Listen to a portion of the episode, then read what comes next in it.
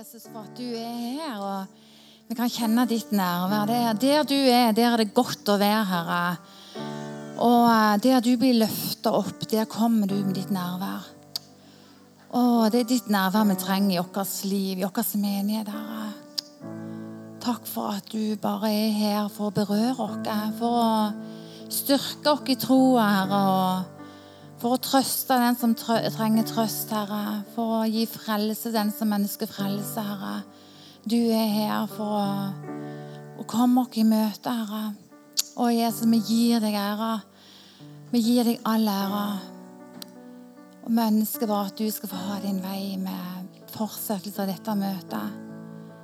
Takk, Jesus, at du er her. Amen. Amen. Da er det disippelskole ut, ja, møte Åsmund ute i gangen. Hmm.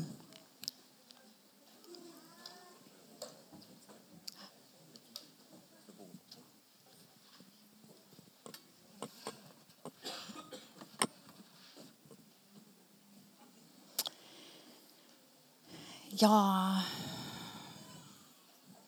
Takk. Så godt å se dere alle sammen. og så gøy at det er så mange unge òg. Og ungdommer og wow. Og så er det viktig med de eldre òg, ikke sant?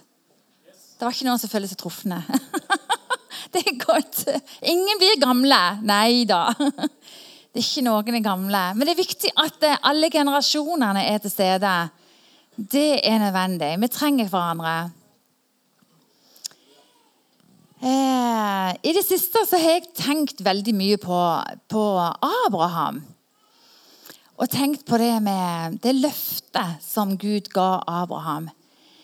Eh, og Det er det jeg har lyst til å snakke litt om i dag.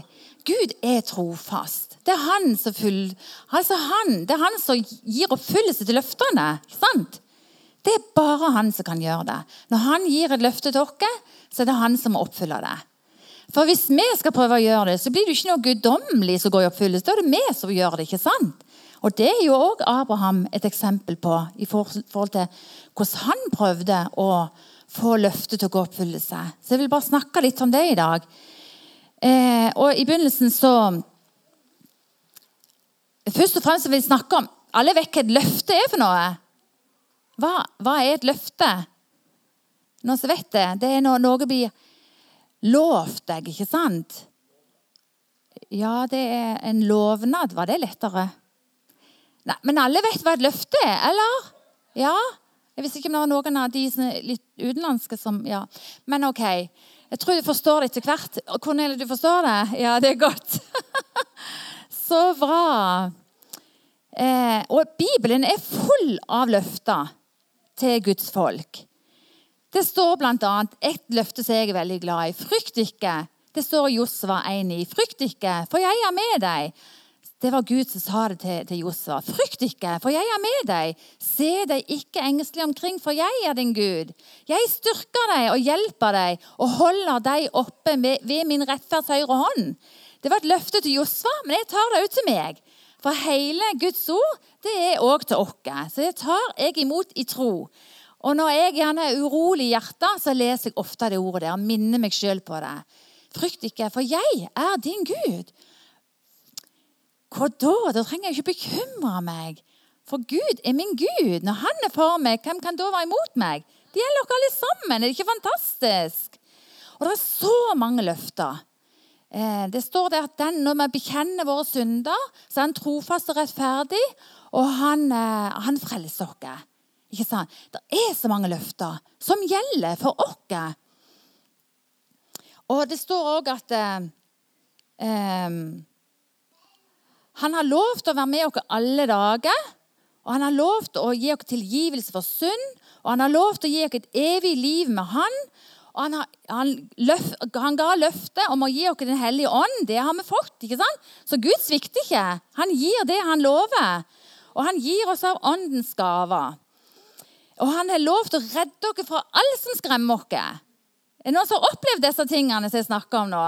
At Gud svikter ikke. Han er trofast mot sine løfter. Og han har lovt å sørge for oss, sørge oss for oss i alle ting vi trenger. For det, Gud er jo en god far. Er det ikke fantastisk? Og så står det i 2. Korinterbrevet 1, 19-20.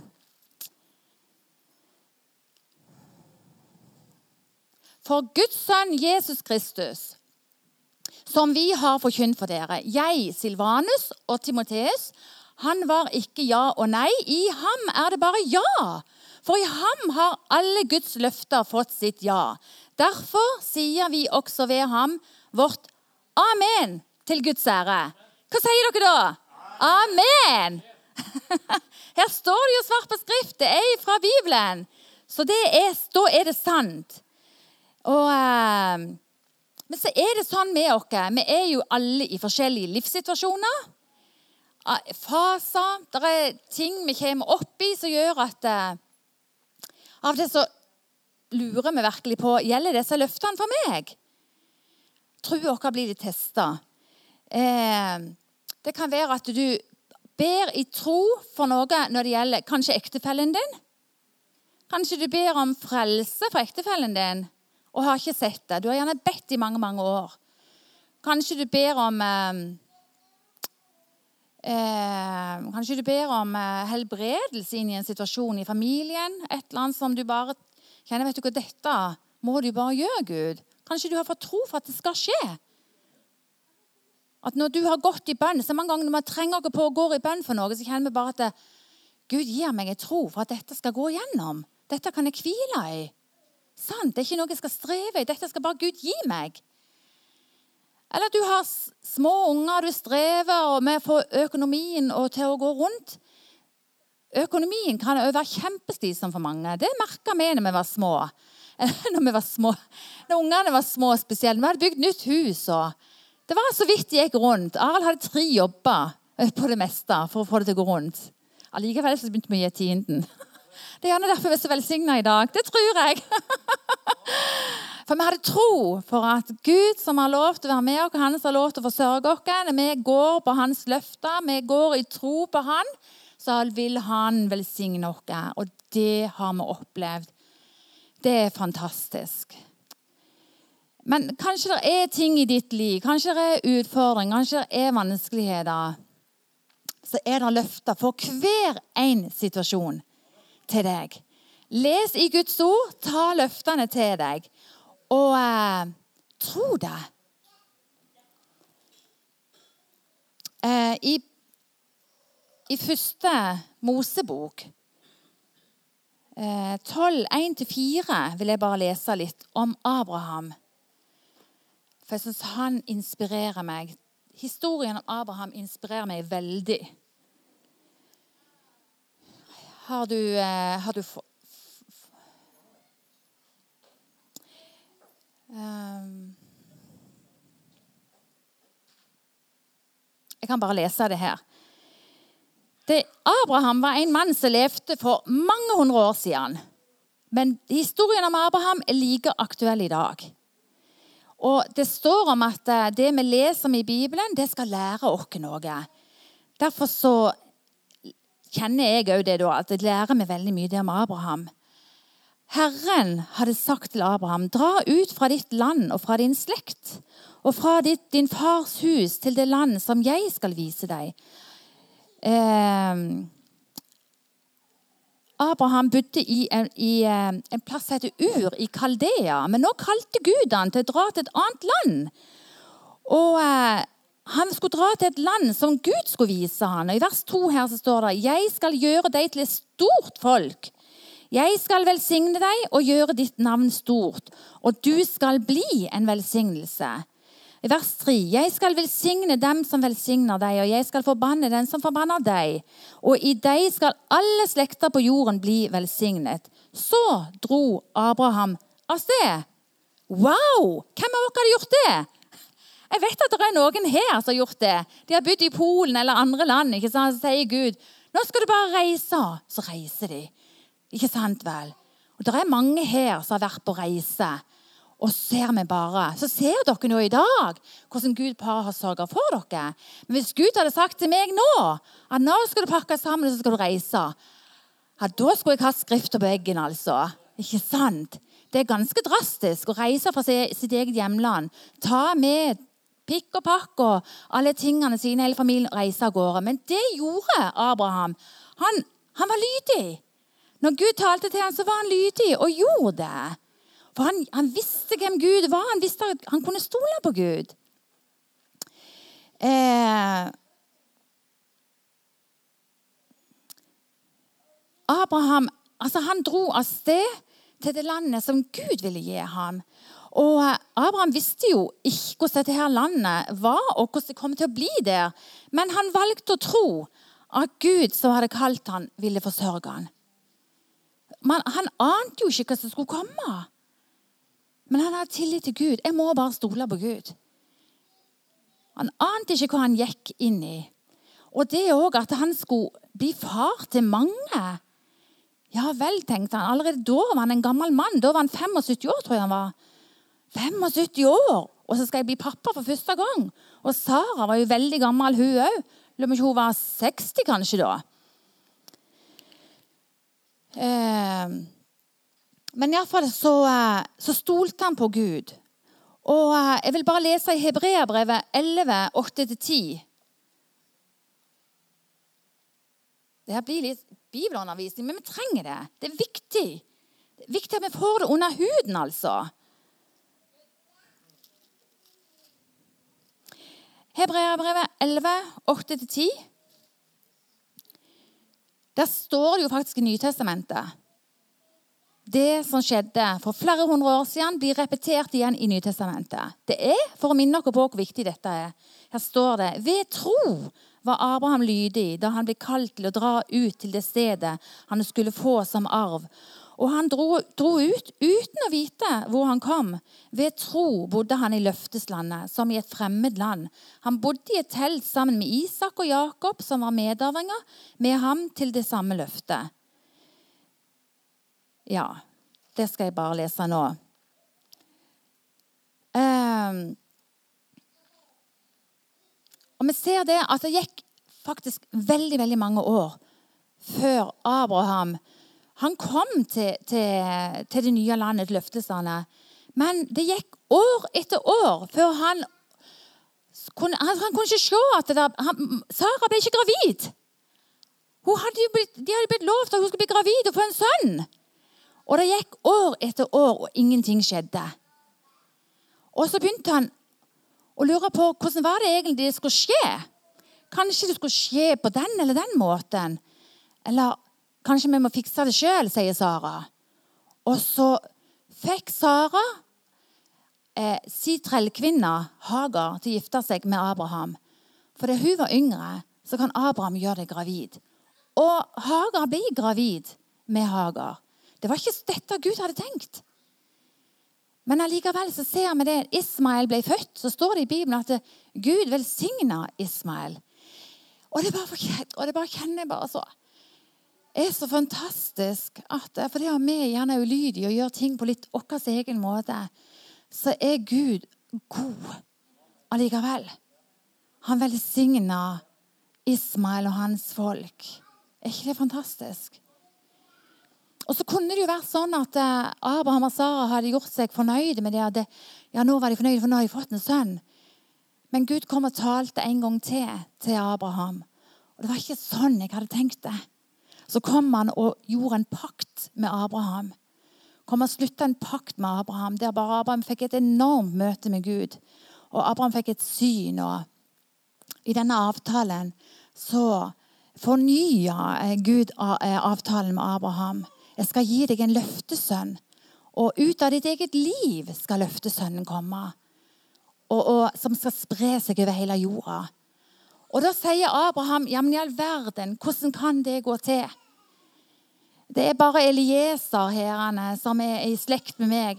Er det bare gjennom han at løftet skal gå i oppfyllelse? Nei, det er ut fra ditt liv. Du ser at Abraham stilte spørsmål. Han var tvilende. Han tvilte ikke med vantro. Men han lurte, han spurte Gud. Hvordan skal det skje? Og årene gikk, og årene gikk. Men Abraham han stolte på Gud. Det står det veldig mye om i hebreerbrevet. At Abraham stolte på Gud. Han hadde tillit til Gud. Eh, og så opplever vi det da når Abraham er 100 år gammel. da blir Sara gravid med Isak. Og så føder hun løftesønnen. Og Det òg bare tyder på at det var Gud som kom med løftet. Og det var bare Gud som kunne få, si, oppfylle løftet. For i menneskemakt gikk det ikke an. Og Dette vitner bare om at vi har en stor Gud. Men det var i tro. Abraham levde i tro. Det var det som gjorde han rettferdig. Det var det som gjorde at, ble, at Gud ble fornøyd med Abraham. Abraham gjorde mange ting. Han lurte og bedro. Han, sånn, han, gjorde, litt, han gjorde, en del dumme ting. Litt sånn at vi hadde tenkt i all verden, går det virkelig an? Ja, det gjør det. For Gud er tålmodig, han er utholdende. Og Abraham ble rettferdig fordi han trodde Gud. Det er der det gjelder for oss òg. Det er vår tro som gjør at vi blir rettferdige for Gud. Ikke våre gjerninger. Det er ikke det som gjør at Gud blir fornøyd med oss, men det at vi har tro og tillit til Gud. At vi gir vårt liv til Han. Er ikke det en fantastisk historie? Det som morslivet som var helt uttørka, helt utdødd, der kommer bare Gud med sin hellige ånd og planter et liv inn i Sara, og hun blir gravid. Ingenting de kunne gjøre, men det var bare Gud som kunne gjøre det. Han kunne oppfylle løftet, og det er stort. Og Det står i Hebreabrevet 10,38.: Men den som er rettferdig, skal leve av tro. Um.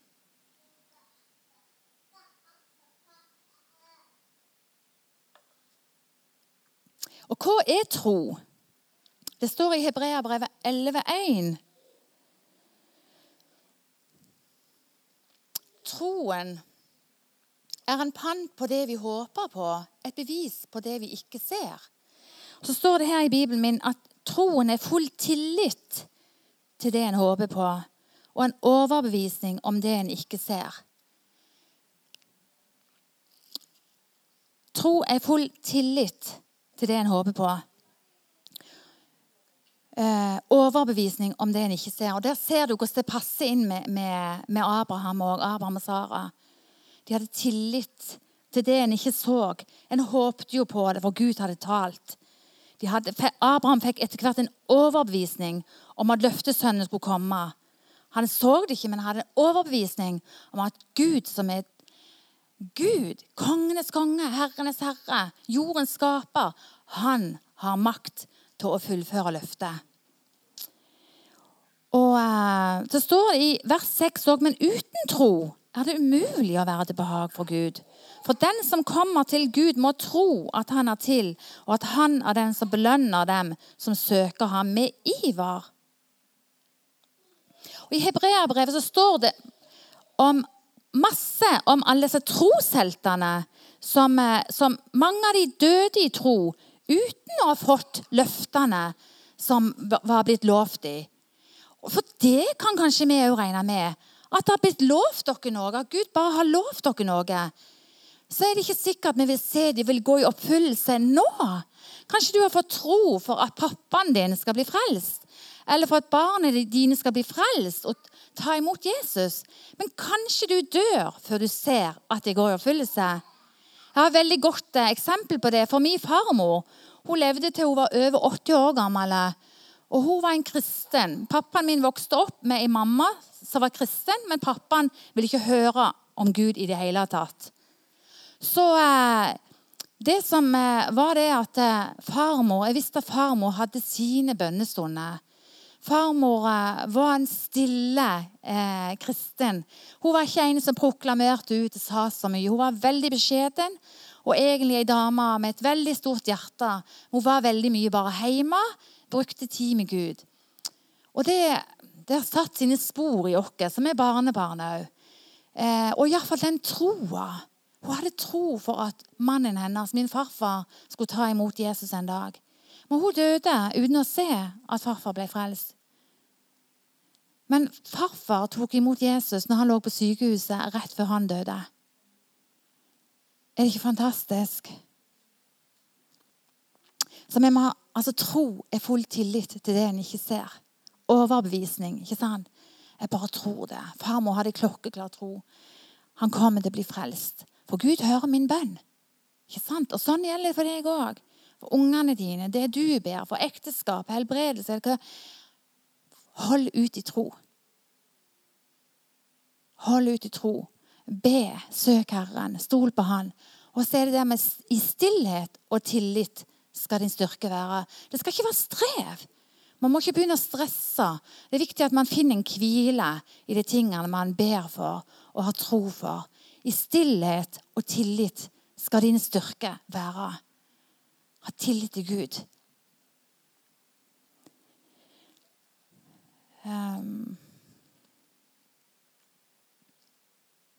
når man leser i Bibelen om alle disse herrene, trosheltene Har dere lest Hebreabrevet 11? Eh, om Jakob og om eh, Abraham og eh, ja, Noah som bygde en ark i tro, for Gud hadde talt. Så bygde han en ark langt inne i ødemarken. Dere kjenner disse historiene, men han gjorde det i tro. Og Det står her i vers 33 i, i kapittel 11 eh, om alle de kristne som har gått foran da, de gammeltestamentlige kristne står det om her. Det ved tro beseiret de kongeriker. De utøvde rettferdighet, fikk løfter oppfylt, stoppet gapet på løver, slokket sterk ild, unnslapp sverdets egg, ble gjort sterke etter svakhet, ble tapre i kamp og drev de fremmedes hærer på flukt. Kvinner fikk sine døde igjen ved oppstandelsen. Andre ble torturert uten å ha tatt imot befrielse for at de kunne oppnå en bedre oppstandelse. Andre igjen fikk prøvelser med spott og pisking, ja, og med lenker og fengsel. De blir steina, de blir saga i to. De blir frista, de blir slått i hjel med sverdet. Og de flakka omkring i saueskinn og geiteskinn. De led nød, de ble plaga og pint. Og denne verden var dem ikke verd. De flakket omkring i ørkener og i fjellene, i huler og jordens grotter. Og alle disse, selv om de fikk et godt vitnesbyrd ved troen, så fikk de ikke se oppfyllelsen av løftet. For Gud hadde på forhånd utsett noe bedre for vår skyld, for at de ikke skulle bli fullendt uten oss. Dette er òg en del av livet vårt. Holde ut i tro uansett om man blir forfulgt, uansett om man opplever hån og spott.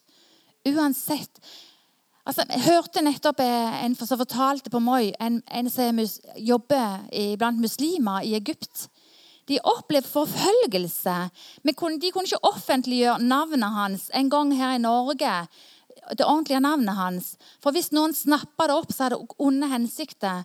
Så kunne de forfølge han og, og, finne han igjen i Egypt, og så er du drept for navnet Jesus skyld. Men om ikke noen kunne få han til å forlate troa Han har òg alle de løftene her. Det gjelder òg han. Men å holde ut og tro på løftene, selv om du ser at ikke alt går i oppfyllelse for deg. Det er det som prøver oss. Det er da vi blir testa. Um,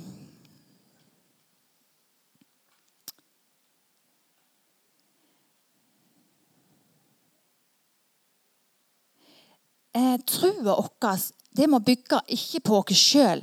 For jeg, jeg har ikke stor tro på meg sjøl, men jeg har stor tro på en mektig Gud. Ikke sant?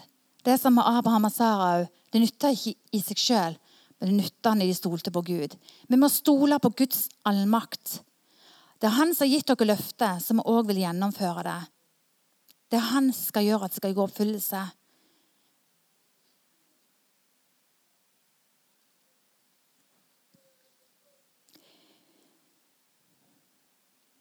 Og vi må ikke med vår visdom og vår målestokk prøve å forstå hvordan Gud vil gjøre ting.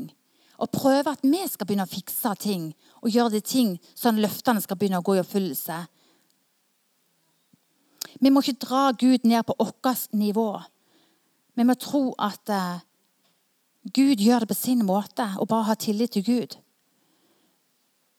Har du fått et ord, et løfte fra Gud, så bevar det i ditt hjerte og vann det hvis det er noe du går og bærer på, gå vann det med bønn og lovprisning til Gud.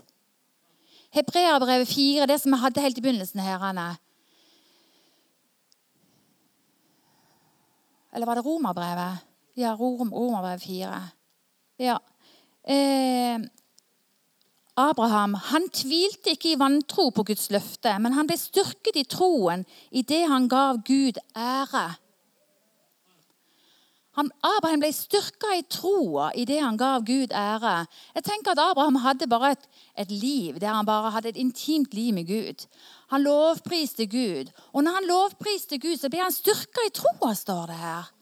Vi klarer ikke å oppfylle løftene. Vi klarer ikke å nå fram til det som Gud vil for vårt liv i oss sjøl. Det er bare Gud som kan gjøre det. Og så blir troa vår styrka når vi lovpriser Gud og bruker tid sammen med Gud. Altså i det, altså Han ble sterk i troen. Og her står det 'i det han ga Gud ære'. Det kan også bety at han ga Gud ære gjennom alt. ikke sant? Du må bare vite det at eh, når du har fått et løfte fra Gud, hvis du har fått en visjon Kanskje noen har fått en, et løfte eller en visjon, en drøm om at jeg skal, reise, jeg skal bli misjonær en dag. Eller jeg skal, jeg skal, bli en kjent politiker. Jeg har virkelig fått et talent, en gave, der jeg bare har innsikt i polit, polit, politikken. Jeg har fått en gave der jeg skal bli en politiker, en kjent politiker. Jeg skal bety noe for landet mitt. Eller kanskje du skal bli lærer. Altså, Folk har fått forskjellige løfter. Det kan være noe, et løfte som er gitt til kanskje for 20 Jeg har fått et løfte som jeg fikk for over 20 år siden. Av og til så er det litt fjernere enn andre ganger. Men jeg har kjent at det har blitt veldig veldig, veldig fornya de siste 14 dagene. Ikke fordi at jeg har gjort noe, men det var fordi at jeg begynte å lure og begynte å faktisk tvile.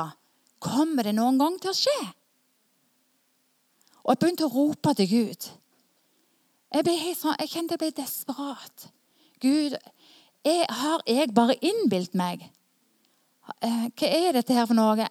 Kanskje det er bare tull? Kanskje Vil det noen gang komme til å skje? Det som du kom og talte til meg for over 20 år siden. Jeg tror snart det er 25 år siden. Vil det komme til å skje? Jeg skal si det, at det har ligget i meg hele veien.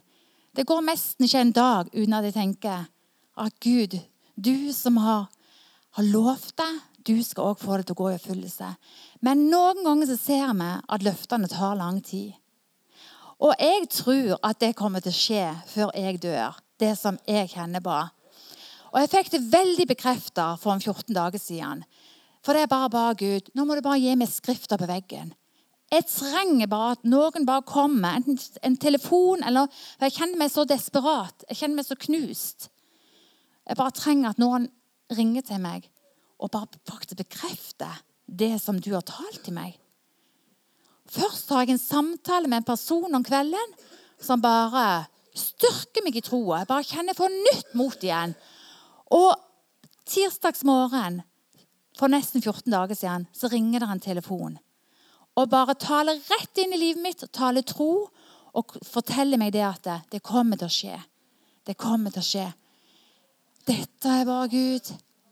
Og kanskje du òg trenger noe sånt for å holde fast i dine løfter. For av til så mister vi litt sånn motet. Vi, vi, vi, mister litt fokus. Vi, vi kan miste litt sånn Kommer det egentlig til å skje? Og så kan vi gjerne Slå dere til ro med det at sånn som Abraham og Sara Nei, det var nok gjennom Hagar. Vi lager bare en sønn. Og så får vi det til på vår egen måte. Så slår vi oss litt til ro med det. Nei, kjente jeg bare. Det var dette som ble bare så tydelig for meg. Nei! Jeg gir meg ikke, jeg slår meg ikke til ro med det jeg ser nå. Jeg vet, Gud, at du har lovt noe mer. Og det vil komme. Vil det ikke? Så begynte jeg å stille han spørsmål. Jo, det vil komme. Da kom bekreftelsen dagen etterpå. Det vil komme. Spør han du òg sånn konkret. Hvis det er et løfte, hvis det er noe som bare har ligget der i dvale, det har forsvunnet litt, kanskje. Hvis det er en visjon Begynn å vanne igjen i bønn. Lovpris Gud. Så vil det stige opp igjen i ditt hjerte.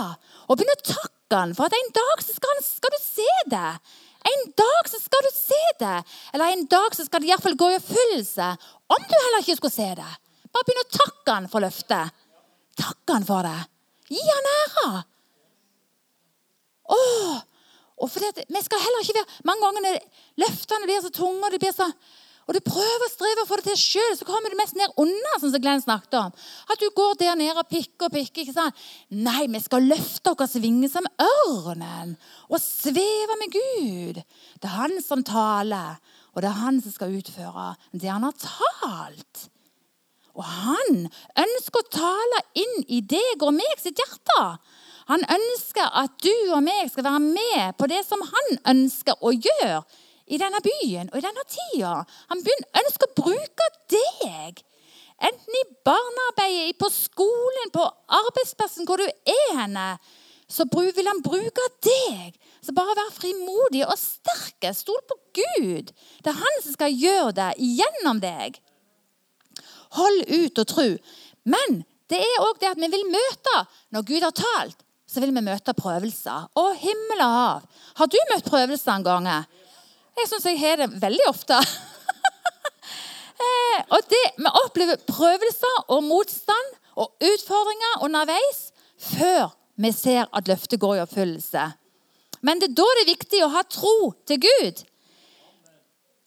Vi sier ofte 'Hvordan kan det bli mulig?' Hvordan kan det egentlig skje? Men si heller hvordan skulle noen ting være egentlig umulig for Gud? Det var det Abraham sa. Nei, kan noen ting være umulig for Gud? Det er han som skal oppfylle det. Men trua, den blir testa. Og løftet, det kan drøye. Det kan ta tid. Og ofte så kan det òg føre til at vi kommer inn i en ørkenvandring. Og vi kan oppleve faktisk en åndelig vinter i vårt liv. Og en åndelig vinter det er den tida der Gud utvikler det åndelige rotsystemet eh, vårt i Han. Og det er en mørk periode der vi gjerne ikke opplever så, og føler så mye. Vi føler gjerne at Gud han er langt vekke. Vi begynner å lure Gud, var det ikke du som var så nær nå? Du var jo her med ditt nærvær. Det var så lyst, det var så deilig. Jeg bare, å, jeg følte meg så elsket og. Så går det gjerne ei uke, 14 dager, så kjenner du bare et enormt lost. Du kjenner bare Hvor er du henne, Gud? Men det skal du vite. At når du får de periodene der Gud er deg så nær, og han våker over situasjonen, han våker over livet ditt. Men han er interessert i han. Altså, det er så viktig at du får utvikle det åndelige rotsystemet. For ellers blir vi bare noen sånne eh, surfere som surfer på de fine bølgene, ikke sant? Og så lander vi med et mageplast, og så gir vi opp. Nei, Gud øver oss opp i utholdenhet og han øver oss opp i trofasthet. Han øver oss opp i å være ydmyke. Det stolte hjertet må bøye seg for Gud. Han vil at vi skal være ydmyke. Han øver opp i å være utholdende. Um,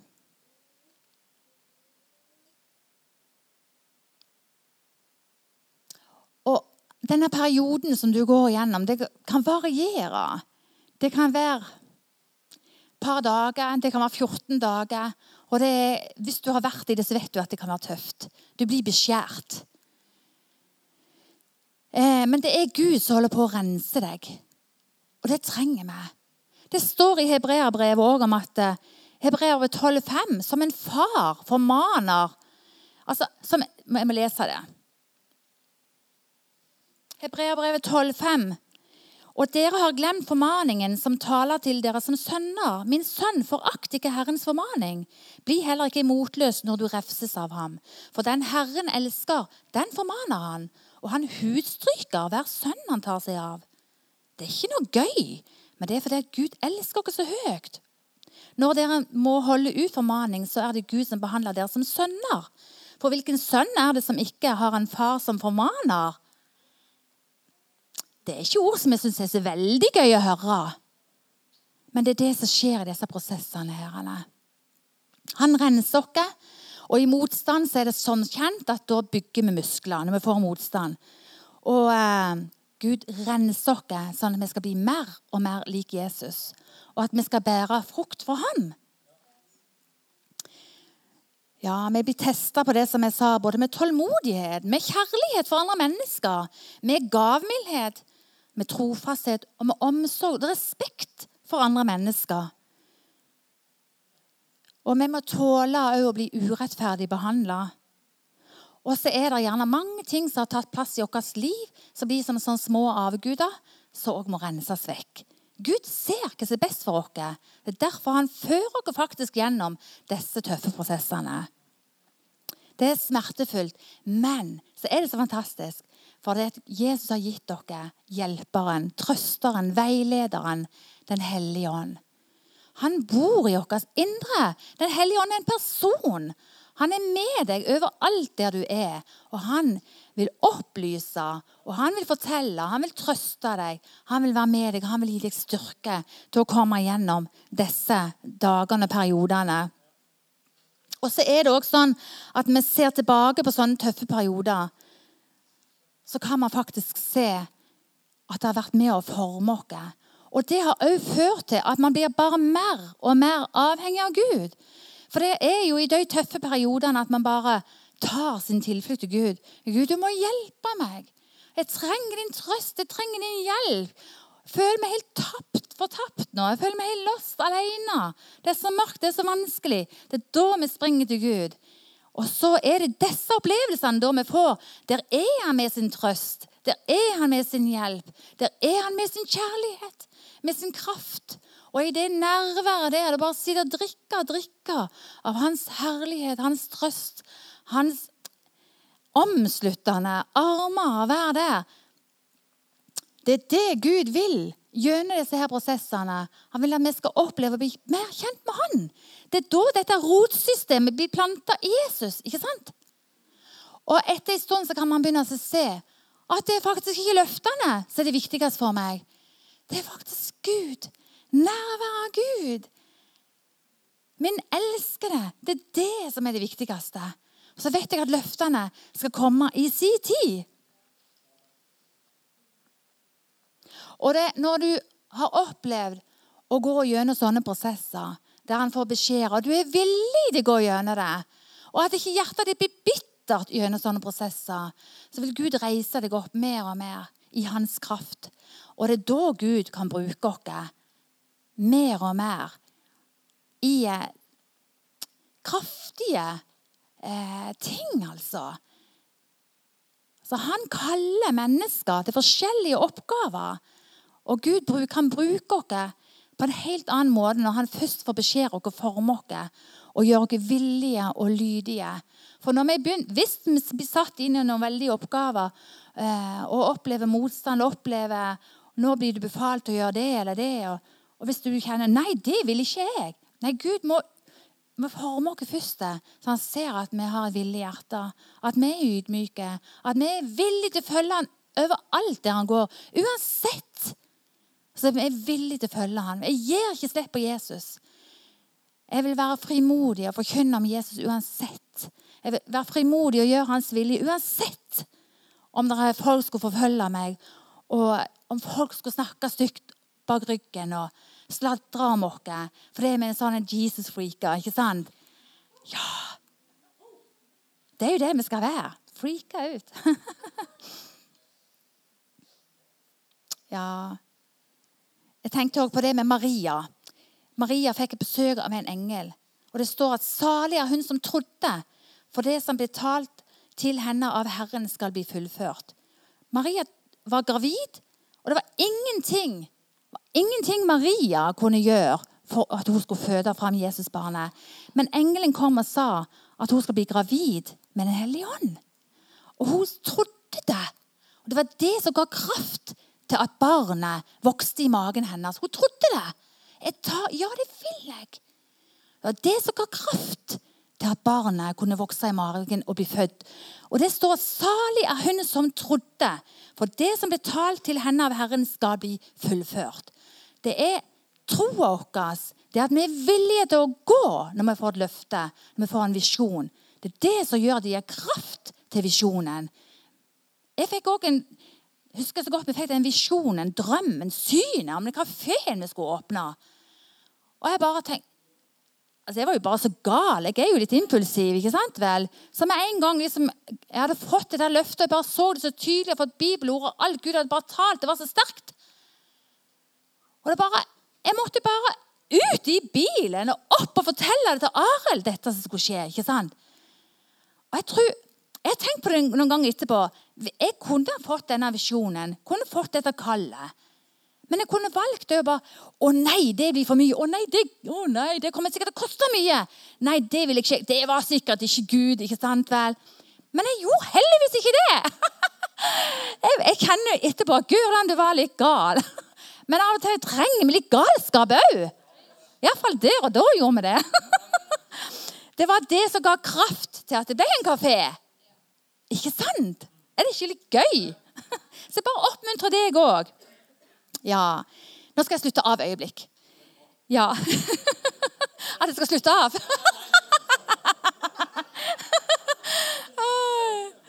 Nei, men, eh, men eh, Og jeg håper det gir dere noe. Jeg håper det gir dere noe.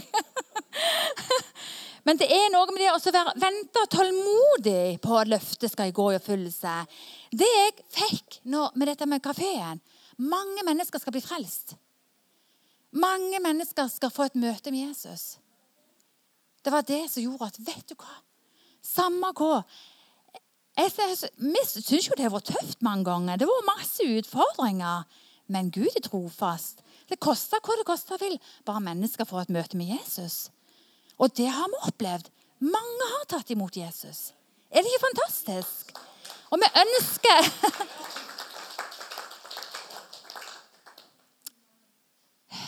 Er det ikke dette vi vil at Gud skal tale til oss?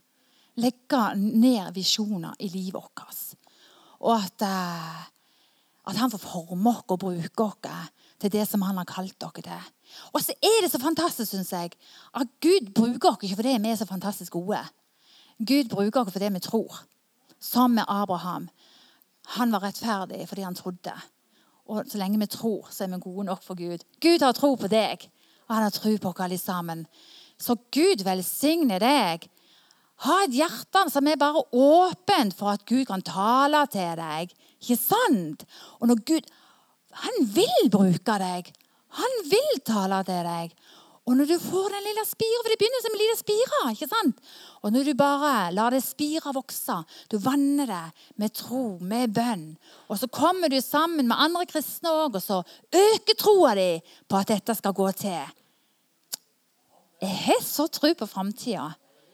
Ja, Gud har kalt dere til framtid og håp. Gud velsigne deg i alt det du står i. Amen.